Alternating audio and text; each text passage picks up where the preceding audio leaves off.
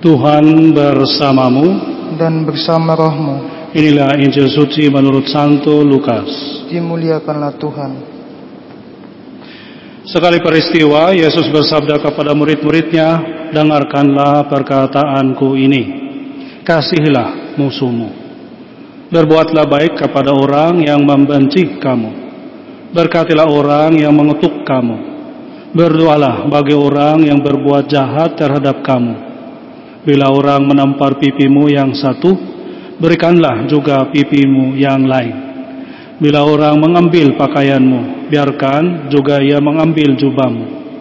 Berilah kepada setiap orang yang meminta kepadamu, dan janganlah meminta kembali kepada orang yang mengambil milikmu. Sebagaimana kamu kehendaki supaya orang melakukan sesuatu kepadamu, lakukanlah juga demikian kepada mereka. Jika kamu mengasihi orang yang mengasihi kamu, apakah jasamu? Karena orang-orang berdosa pun mengasihi juga orang-orang yang mengasihi mereka. Sebab jika kamu berbuat baik kepada orang yang berbuat baik kepadamu, apakah jasamu? Orang-orang berdosa pun berbuat demikian.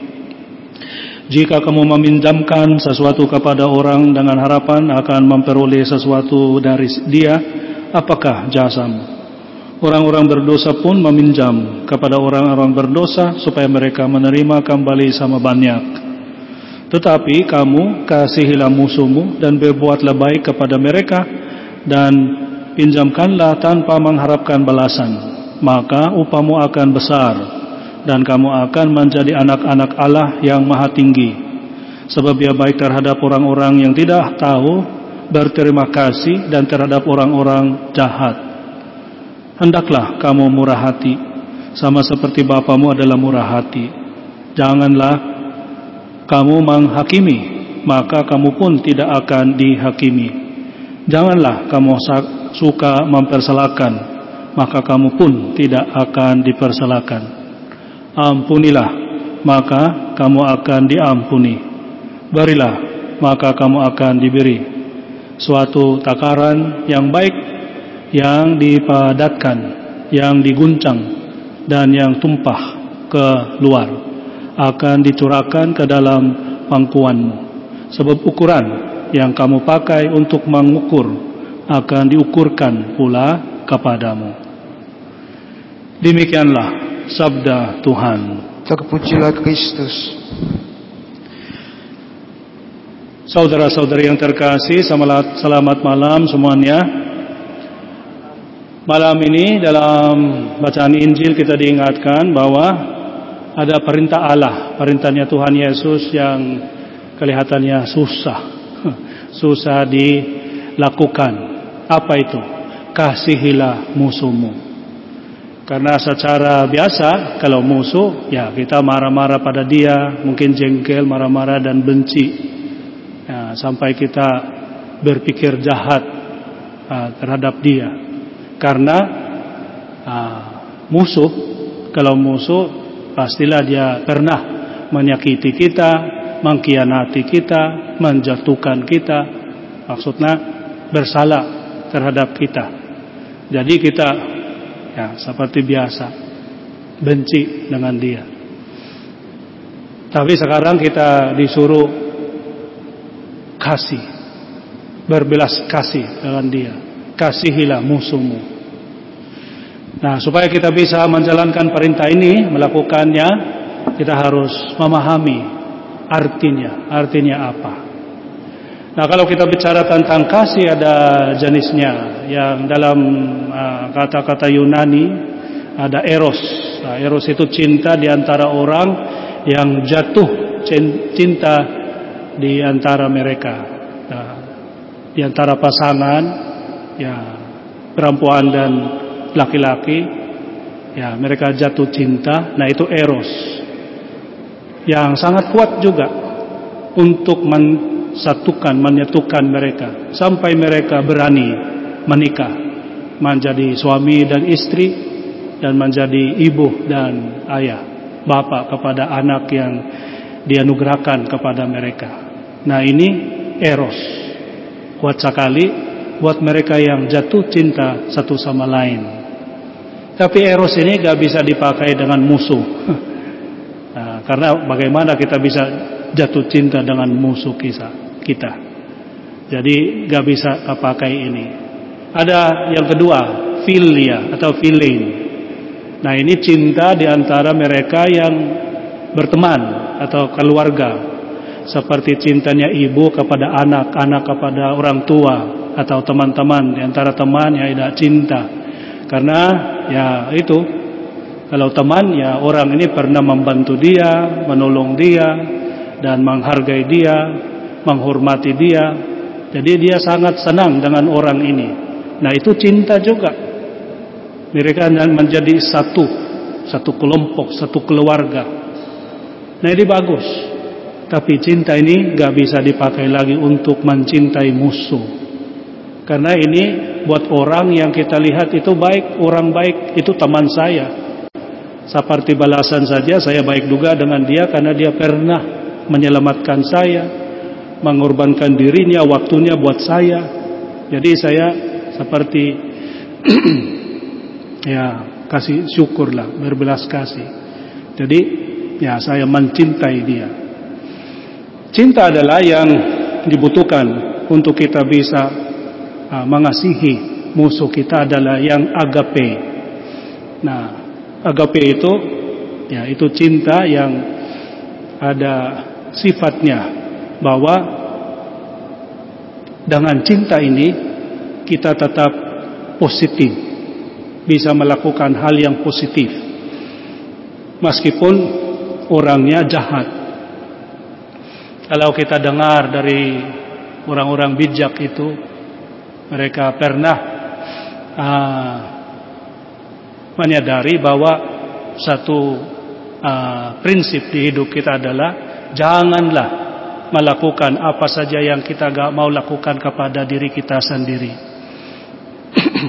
Tapi itu jangan melakukan. Contoh, kalau kita mau tidak mau dibohongi, jangan berbohong. Nah itu yang uh, akibat uh, itu intinya. Kalau jangan melakukan, karena saya gak mau dibohongi, saya gak mau berbohong. Saya gak mau ditipuin, saya gak menipu orang.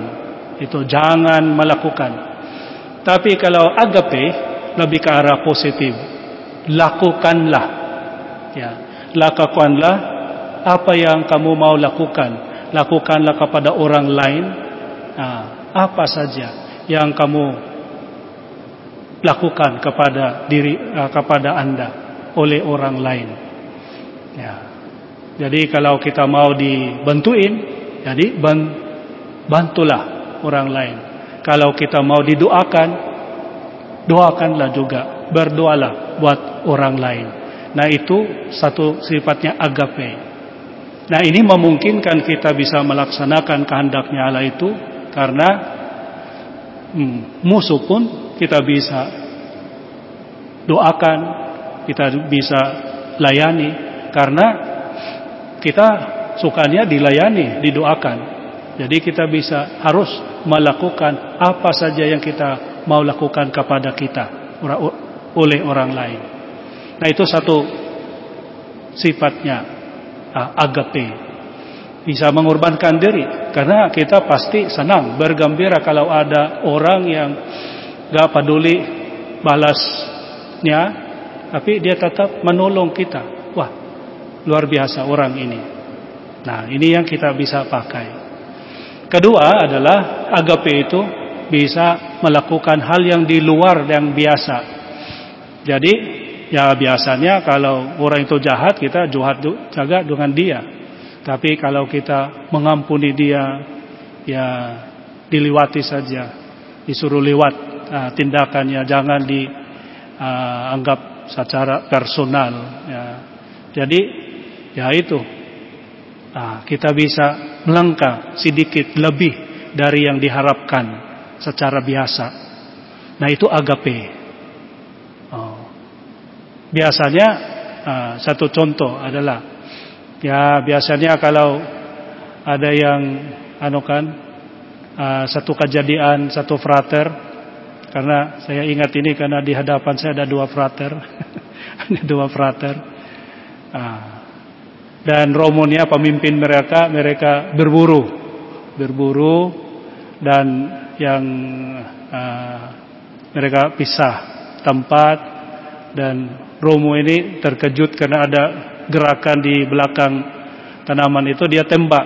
Ternyata fraternya. Aduh ketembak nah biasanya marah-marah pada orang tuanya karena anak mereka dibunuh ditembak oleh romonya ah, bagaimana ini? Nah, kamu yang harus bertanggung jawab tapi kamu yang membunuh anak kami. Nah itu biasa. Kalau dia benar-benar marah-marah diterima saja. Kata itu biasa. Karena sakit pahit kecewa dengan kepergian anak mereka.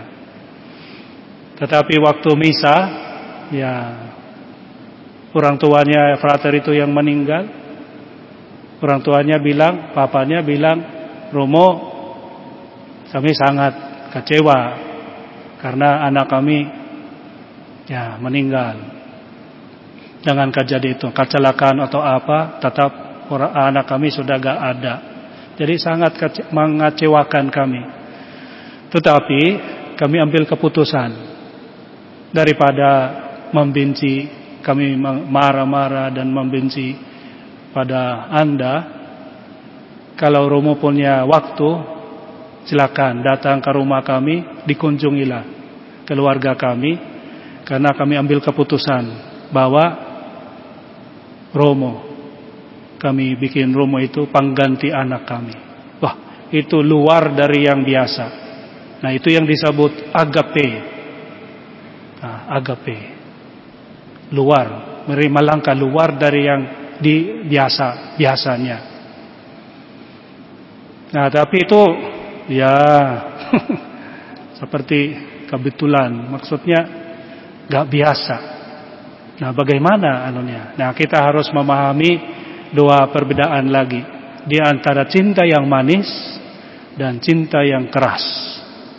Kalau manis itu mungkin ya lebih luar biasa lah kalau bisa melakukan seperti yang terjadi ini orang tuanya yang meninggal itu, frater yang meninggal itu menang, mengangkap menangkap uh, romonya menjadi pengganti itu manis. Kalau kita dengar itu wah sangat inspiratif kisahnya karena manis sekali. Seperti gak mungkin tapi terjadi ternyata. Itu manis.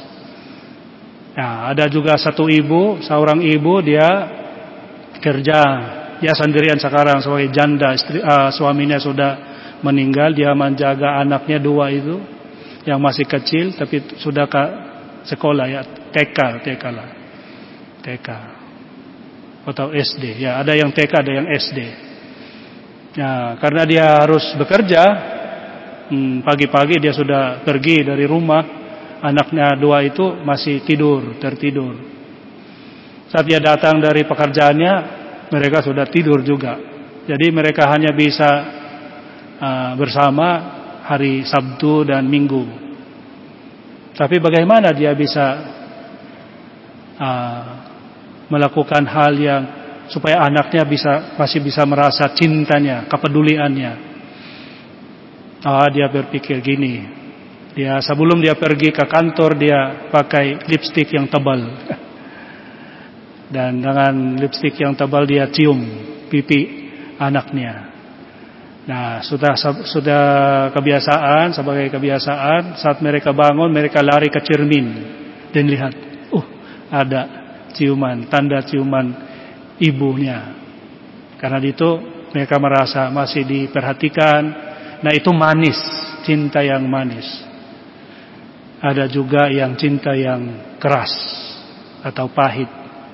Itu terjadi ya satu kali ada satu keluarga berlibur di kampung tanpa orang tua, bapak-bapak bapak dan ibu itu.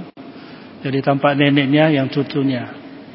Ya cucu itu lari ke sungai mau berenang. Sebelum dia ke sana, dia panggil bapaknya yang baca buku, sedang membaca buku di bawah pohon. Biasanya kalau dia manggil bapaknya, bapaknya lihat saja dan ya nah, sudah. Tapi saat ini saat dia manggil bapaknya sambil lari ke sungai, bapaknya lihat dan ya buku yang dia baca itu jatuh dan dia terkejut.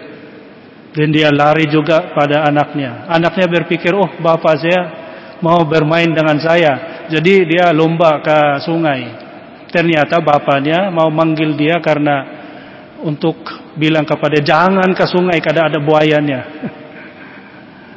Nah, jadi dia lari, ano, lari juga nah, supaya di cerita singkat ya terjadilah anak itu sadar bahwa ada buaya. Jadi dia kembali cepat tapi tertangkap sudah digigit oleh buaya. Untungnya buaya itu kecil tapi tetap bisa gigit. Dan waktu itu juga bapaknya ada dan pegang tangannya dan Mira tari dia tari itu anaknya supaya dilepaslah lepaskan dari buaya itu dipercepat lagi ceritanya buayanya uh, ketembak dan selamat diselamatkanlah anak itu di rumah sakit ada mengunjungi dia untuk mewawancarai dia untuk uh, nulis di uh, Kompas ya. Nah, apakah anda yang karena digigit oleh buaya di sungai itu? Ya saya. Saya dengar di mana ya? Gigitnya di mana? Oh di kaki saya. Bisa lihat? Bisakah lihat uh, luka-lukanya? Oh ya bisa. oh parah sekali ya. Untungnya masih bisa selamat ya. Ya. Oke okay, ya kita ambil foto dan ya udah kita pergi ya supaya kita bisa tulis dengan kabar ini dengan tepat lah. Dan saat dia mau keluar dari ruangan itu, anak muda itu panggil dia, apakah kamu gak juga mau melihat luka di tangan saya? Dan uh, orang itu terkejut, oh, saya kira hanya digigit di kaki, apakah tergigit juga tangannya? Oh bukan, ini luka-luka karena tangan bapak saya. Nah, bapak saya megang saya gak lepas karena lepas. Jadi tangan saya terluka. Tapi saat anak muda itu menceritakan itu dia dengan bangga dan bahagia karena ini tanda bahwa dia sangat disayangi oleh bapaknya. Tapi tetap dia terluka. Maksudnya kalau cinta itu kadang-kadang melukai orang, menyakiti orang. Hanya orang itu supaya dia bisa sadar ada anak SD sering bolos, mau bolos terus, nggak masuk ke sekolah. Dan pada akhirnya dia gak, gak, gak lulus, tapi gurunya berpikir, waduh kasihan. Kalau gak dilanjutkan, gak diluluskan gimana? Dia ketinggalan dari angkatannya. Jadi diluluskan saja. Itu tahun 3, ke 4, ke 5, ke 6 saat SMP dia mau belajar benar-benar belajar gak bisa karena sudah terlanjur gak bisa gak menerima atau gak mengembangkan uh, pengetahuan yang harus ada supaya bisa menjalankan pelajaran ah, SMP itu. Nah, siapa yang salah? Tentu saja orangnya, tetapi gurunya juga karena gurunya kelihatannya baik tapi ternyata jahat. Karena harus disiplin.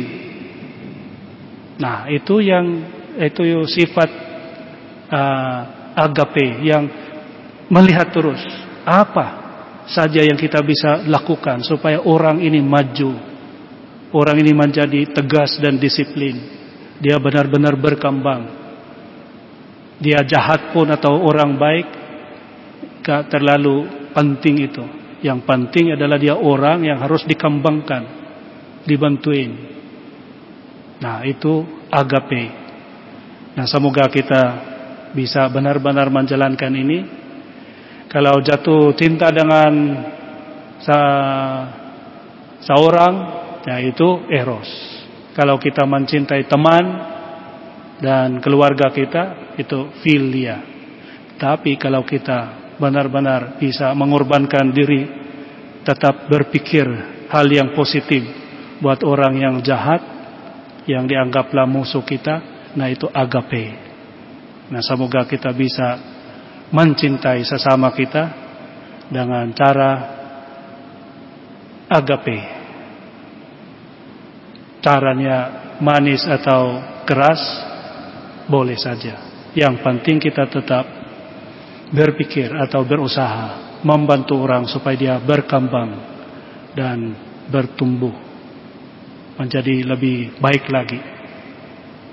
Apalagi kalau dia seorang jahat atau seorang tersesat.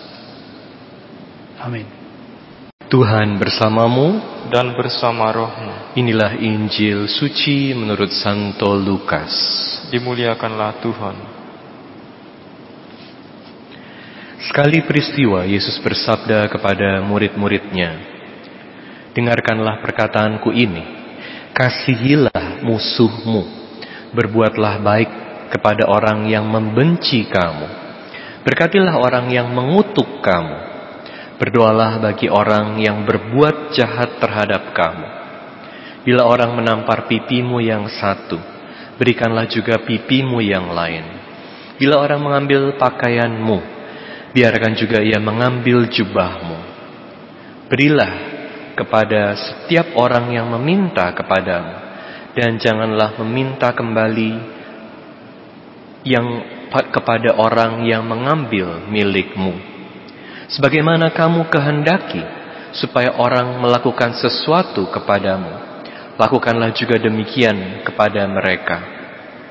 Jika kamu mengasihi orang yang mengasihi kamu, apakah jasamu? Karena orang-orang berdosa pun mengasihi juga orang-orang yang mengasihi mereka. Sebab jika kamu berbuat baik kepada orang yang berbuat baik kepadamu, apakah jasamu? Orang-orang berdosa pun berbuat demikian. Jika kamu meminjamkan sesuatu kepada orang dengan harapan akan memperoleh sesuatu dari dia, apakah jasamu? Orang-orang berdosa pun meminjam kepada orang-orang berdosa supaya mereka menerima kembali sama banyak.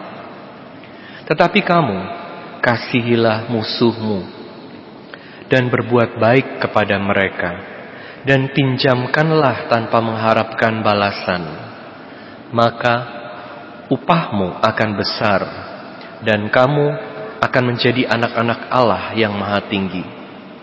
Sebab ia baik terhadap orang-orang yang tidak tahu berterima kasih dan terhadap orang-orang jahat. Hendaklah kamu murah hati, sama seperti Bapamu adalah murah hati. Janganlah kamu menghakimi, maka kamu pun tidak akan dihakimi. Janganlah kamu suka mempersalahkan, maka kamu pun tidak akan dipersalahkan. Ampunilah, maka kamu akan diampuni. Berilah, maka kamu akan diberi. Suatu takaran yang baik, yang dipadatkan, yang diguncang, dan yang tumpah keluar akan dicurahkan ke dalam pangkuanmu. Sebab ukuran yang kamu pakai untuk mengukur akan diukurkan pula kepadamu. Demikianlah sabda Tuhan. Terpujilah Kristus. Kasihilah musuhmu. Saudara-saudari sekalian terkasih dalam Kristus, pesan Injil hari ini sangat jelas. Yesus meminta kepada kita untuk mengasihi musuh kita. Sangat jelas namun sangat sulit. Bagaimana kita bisa mengasihi musuh kita? Untuk mengasihi musuh kita, pertama kita perlu memaafkan musuh kita. Kedua, kita perlu mengerti musuh kita. Ketiga, kita perlu menginginkan yang baik untuk musuh kita. Ini namanya mengasihi musuh. Pertama, kita perlu belajar untuk memaafkan musuh. Memaafkan musuh ini sangat penting. Kita nggak perlu berbagai ajaran yang muluk-muluk untuk bisa mengerti bahwa memaafkan musuh ini sangat penting. Orang yang tidak beragama juga tahu bahwa memaafkan musuh ini sangat penting bukan pertama-tama untuk kebaikan musuhnya, tetapi pertama-tama untuk kebaikan dirinya sendiri. Kenapa?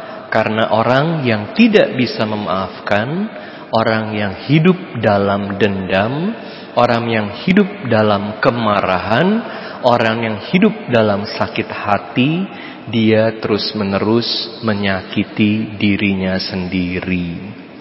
Kejadiannya mungkin 30-40 tahun lalu. Bagaimana dia disakiti oleh musuhnya. Mungkin 10 tahun yang lalu, mungkin satu tahun yang lalu. Tapi karena dia terus menerus menyimpan dendam dan kemarahan dan sakit hati, setiap kali dia mengingat kejadian itu, setiap kali dia bertemu dengan orang tersebut, dia akan merasa sakit hati. Seperti hatinya ditusuk kembali dengan pisau yang sangat tajam. Yang menusuk bukan orang yang menyakiti dia. Mungkin orang yang menyakiti dia itu sudah lupa akan kesalahan, akan kejadian berapa puluh tahun yang lalu. Dia mungkin sudah tidak merasa apa-apa. Tapi kita yang menyimpan dendam, kita yang terus mengingat kejadian itu, kita ingat dan terus disakiti. Oleh siapa? Oleh diri kita sendiri. Maka kita perlu belajar memaafkan. Karena dengan memaafkan, kita menyembuhkan diri kita sendiri.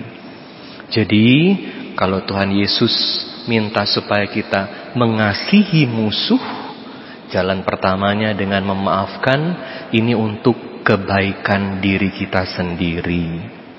Contohnya yang luar biasa adalah Yusuf pemimpi yang disakiti oleh saudara-saudaranya sendiri. Yusuf nggak buat salah apa-apa, tapi karena saudara-saudaranya begitu iri sama Yusuf yang sangat disayang oleh ayahnya, dia kemudian mau dibunuh tapi nggak jadi, akhirnya dijual sebagai budak. Dan dengan dijual sebagai budak, hidupnya menjadi penuh dengan kesengsaraan. Apa jadinya hidupnya Yusuf pemimpi kalau dia terus-menerus dipenjara, hidup dalam kemarahan dan dendam sama saudara-saudaranya? Bagaimana dia bisa sembuh dan menjalani hidup dengan baik. Jangan biarkan diri kita dipenjara oleh dendam. Tapi mengasihi musuh bukan sekedar supaya kita bisa sembuh. Kita diajak untuk mengasihi musuh kita karena Tuhan mau supaya kita bisa berkembang dan hidup dalam kasih Tuhan. Bukan hanya untuk sembuh, tapi berkembang hidup dalam rahmat Tuhan menjadi seperti Tuhan sendiri, menjadi seperti Yesus. Mengerti musuh artinya keluar dari perspektif diri kita sendiri dan mulai mencoba melihat kenapa musuh kita melakukan itu siapa dia. Bukan hanya melihat siapa dia dari mata kita manusia yang mudah mengadili, mudah marah, mudah menyakiti, tetapi melihat musuh kita juga dari mata Tuhan. Mata Tuhan seperti yang dikatakan dalam Mazmur tanggapan Tuhan adalah pengasih dan penyayang. Tuhan mengasihi saya, mengasihi kita. Bahkan saat kita buat salah, saat kita berdosa, Tuhan tetap mengasihi kita dan memberi kesempatan kepada kita untuk jadi baik. Tuhan bukan hanya lihat siapa kita saat ini. Tuhan lihat siapa yang kita bisa jadi di masa depan. Apakah kita bersedia melihat musuh kita juga dari mata Tuhan yang juga pasti mencintai dia. Bacaan pertama hari ini kita diajak untuk melihat tokoh Daud yang begitu dibenci oleh Saul. Kenapa dibenci oleh Saul? Sekali lagi, karena Saul iri dengan keberhasilan Daud. Orang-orang memuji Saul. Wah, Saul membunuh seribu orang. Tetapi Daud membunuh sepuluh ribu orang. Puluhan ribu orang. Dari ribuan dibandingkan dengan puluhan ribu orang. Jadi Daud di mata banyak orang lebih hebat dari Saul. Dan Saul marah sehingga dia mengerahkan begitu banyak pasukan untuk mengejar Daud. Bahkan dia pimpin sendiri dan mau membunuh Daud. Daud punya alasan untuk membunuh Saul. Daud punya kesempatan untuk membunuh Saul. Tetapi dia tidak membunuh Saul. Dia tidak balas dendam. Dia tidak hanya pikirkan dirinya sendiri. Karena dia melihat Saul sebagai seorang raja yang diurapi oleh Allah yang dicintai oleh Allah. Bagaimana kita melihat musuh kita? Apakah kita melihat musuh kita hanya sebagai sekedar objek untuk disakiti, untuk ditusuk, untuk melampiaskan kemarahan kita? Atau kita juga mau belajar mengerti, melihat musuh kita sebagai pribadi yang juga dicintai dikasihi oleh Allah? Apakah kita mau melihat musuh kita sebagai pribadi yang juga punya kelemahan, punya ketakutan, punya berbagai masalahnya sendiri, punya berbagai alasan kenapa dia melakukan apa yang dia lakukan. Dan lebih dari itu, apakah kita bersedia melihat musuh kita seperti Yesus melihat kita, bukan hanya siapa kita saat ini, tapi siapa yang kita bisa jadi di masa depan. Walaupun saat ini kotor dan berdosa, setiap orang dengan rahmat Tuhan bisa menjadi baik, bisa berubah. Tentu ini tidak mudah untuk keluar dari diri kita melihat orang lain dari matanya Allah yang mencintai dia, mengasihi dia.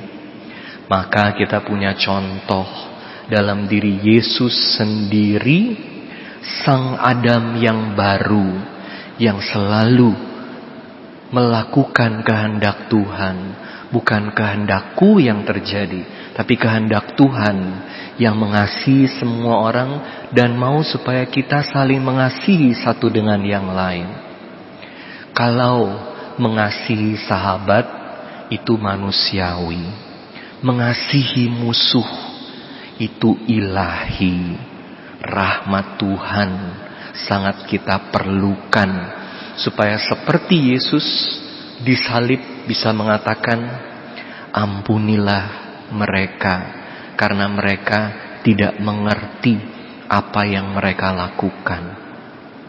Di sini kita bisa melihat bahwa Yesus bukan hanya mengerti musuh mereka, tapi Yesus menghendaki yang baik untuk musuh mereka. Dalam bacaan Injil dikatakan kita diajak untuk mendoakan musuh kita kalau belum bisa memberi sesuatu buat musuh kita, belum bisa manis-manis di depan musuh kita, doakan dalam doa kita. Karena itu artinya kita menghendaki bahwa Tuhan memberkati musuh kita, mengubah musuh kita, bukan mengutuk musuh kita supaya hancur Kalau mendiamkan musuh itu bisa-bisa ya udah ya lu sekarang lakukan begini coba gua lihat ya. Hancur lu satu hari. Hukum karma bekerja. Kamu akan dimusnahkan oleh Tuhan sendiri. Tuhan kutuk dia. Nah, doanya begitu. Supaya orang lain hancur. Tapi kalau kita menghendaki yang baik, seperti Yesus menghendaki yang baik buat semua orang, dia berdoa supaya orang-orang yang menyakiti dia pun dimaafkan oleh Tuhan. Karena Yesus katakan mereka tidak mengerti apa yang mereka lakukan. Biar Tuhan yang pimpin mereka yang bersalah kepada kita supaya berubah hidupnya jadi baik, hidupnya sesuai dengan kehendak Tuhan. Sekali lagi, kita nggak bisa hanya bergantung pada kekuatan kita untuk mendoakan musuh kita. Sulit sekali, sangat sulit. Kita hanya bisa lakukan ini kalau Tuhan hidup dalam diri kita.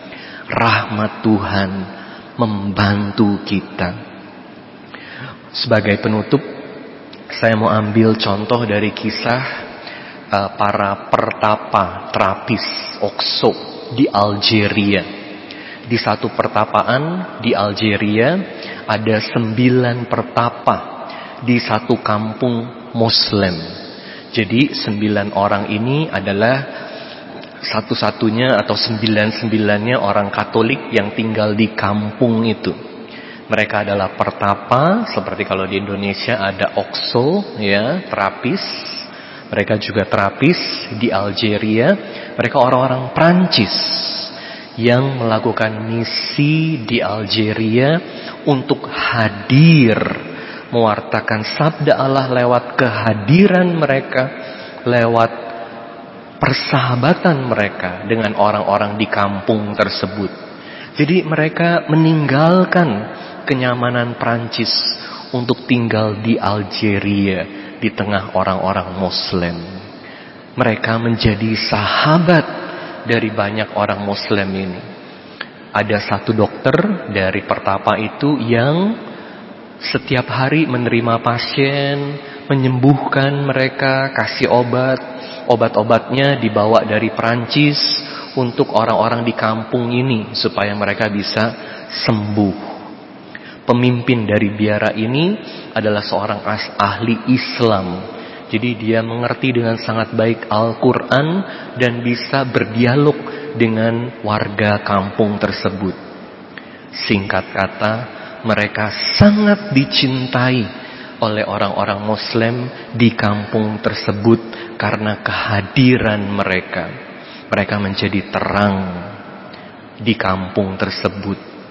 Tapi kemudian ada perang saudara di Algeria antara pemerintah dan uh, para teroris uh, dari kelompok Muslim yang menentang pemerintah.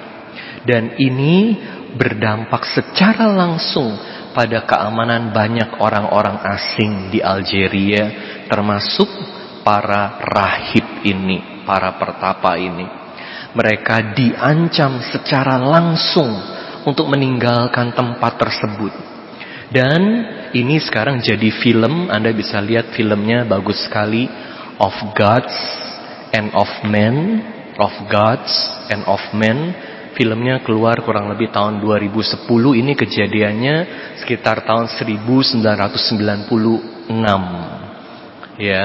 Lalu dalam film ini ditunjukkan bagaimana uh, kegelisahan hati dari para pertapa.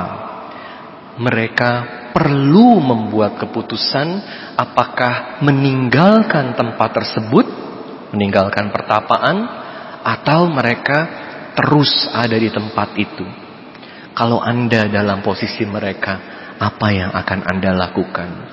Mereka bukan hanya meninggalkan kenyamanan Prancis, tetapi mereka ambil resiko untuk dibunuh dalam situasi perang demi menjalankan perintah Tuhan, mencintai sesama. Walaupun berat, walaupun ada ketakutan, walaupun ada kegelisahan, walaupun ada ancaman, pada akhirnya semua rahib ini memilih, memutuskan untuk tetap tinggal di pertapaan itu untuk mengasihi orang-orang di sekitar mereka, menjadi berkat buat orang-orang di kampung tersebut. Apa yang terjadi? Beberapa saat sesudah mereka membuat keputusan itu, mereka kemudian diculik. Ada tujuh yang diculik, yang dua nggak nggak nggak bisa diculik, nggak sempat diculik. Lalu yang tujuh ini kemudian dibunuh oleh para teroris. Mereka diangkat sebagai martir iman dan martir cinta kasih oleh gereja Paus Franciscus mengangkat mereka sebagai beato karena mereka dinilai sudah menjadi teladan, terang, contoh mencintai sesama bahkan mereka yang mau membunuh mereka tetap mereka layani ini adalah contoh yang luar biasa bagaimana mencintai musuh. Hari demi hari kita dipanggil untuk menjadi martir cinta kasih, mengasihi orang-orang yang ada di sekitar kita, termasuk orang-orang yang tidak menyenangkan hati kita, bahkan menyakiti hati kita. Mulai lewat hal-hal yang kecil, mengampuni, jangan mengumbar marah, mencoba mengerti sesama dan melakukan kebaikan-kebaikan kecil buat orang yang kita tidak senangi sehingga kita bisa sungguh-sungguh hidup sesuai dengan ajaran Yesus. Mencintai, mengasihi sahabat itu manusiawi, tapi mengasihi musuh itu ilahi. Kita bukan hanya sembuh tapi terus berkembang sehingga menjadi seperti Kristus sendiri.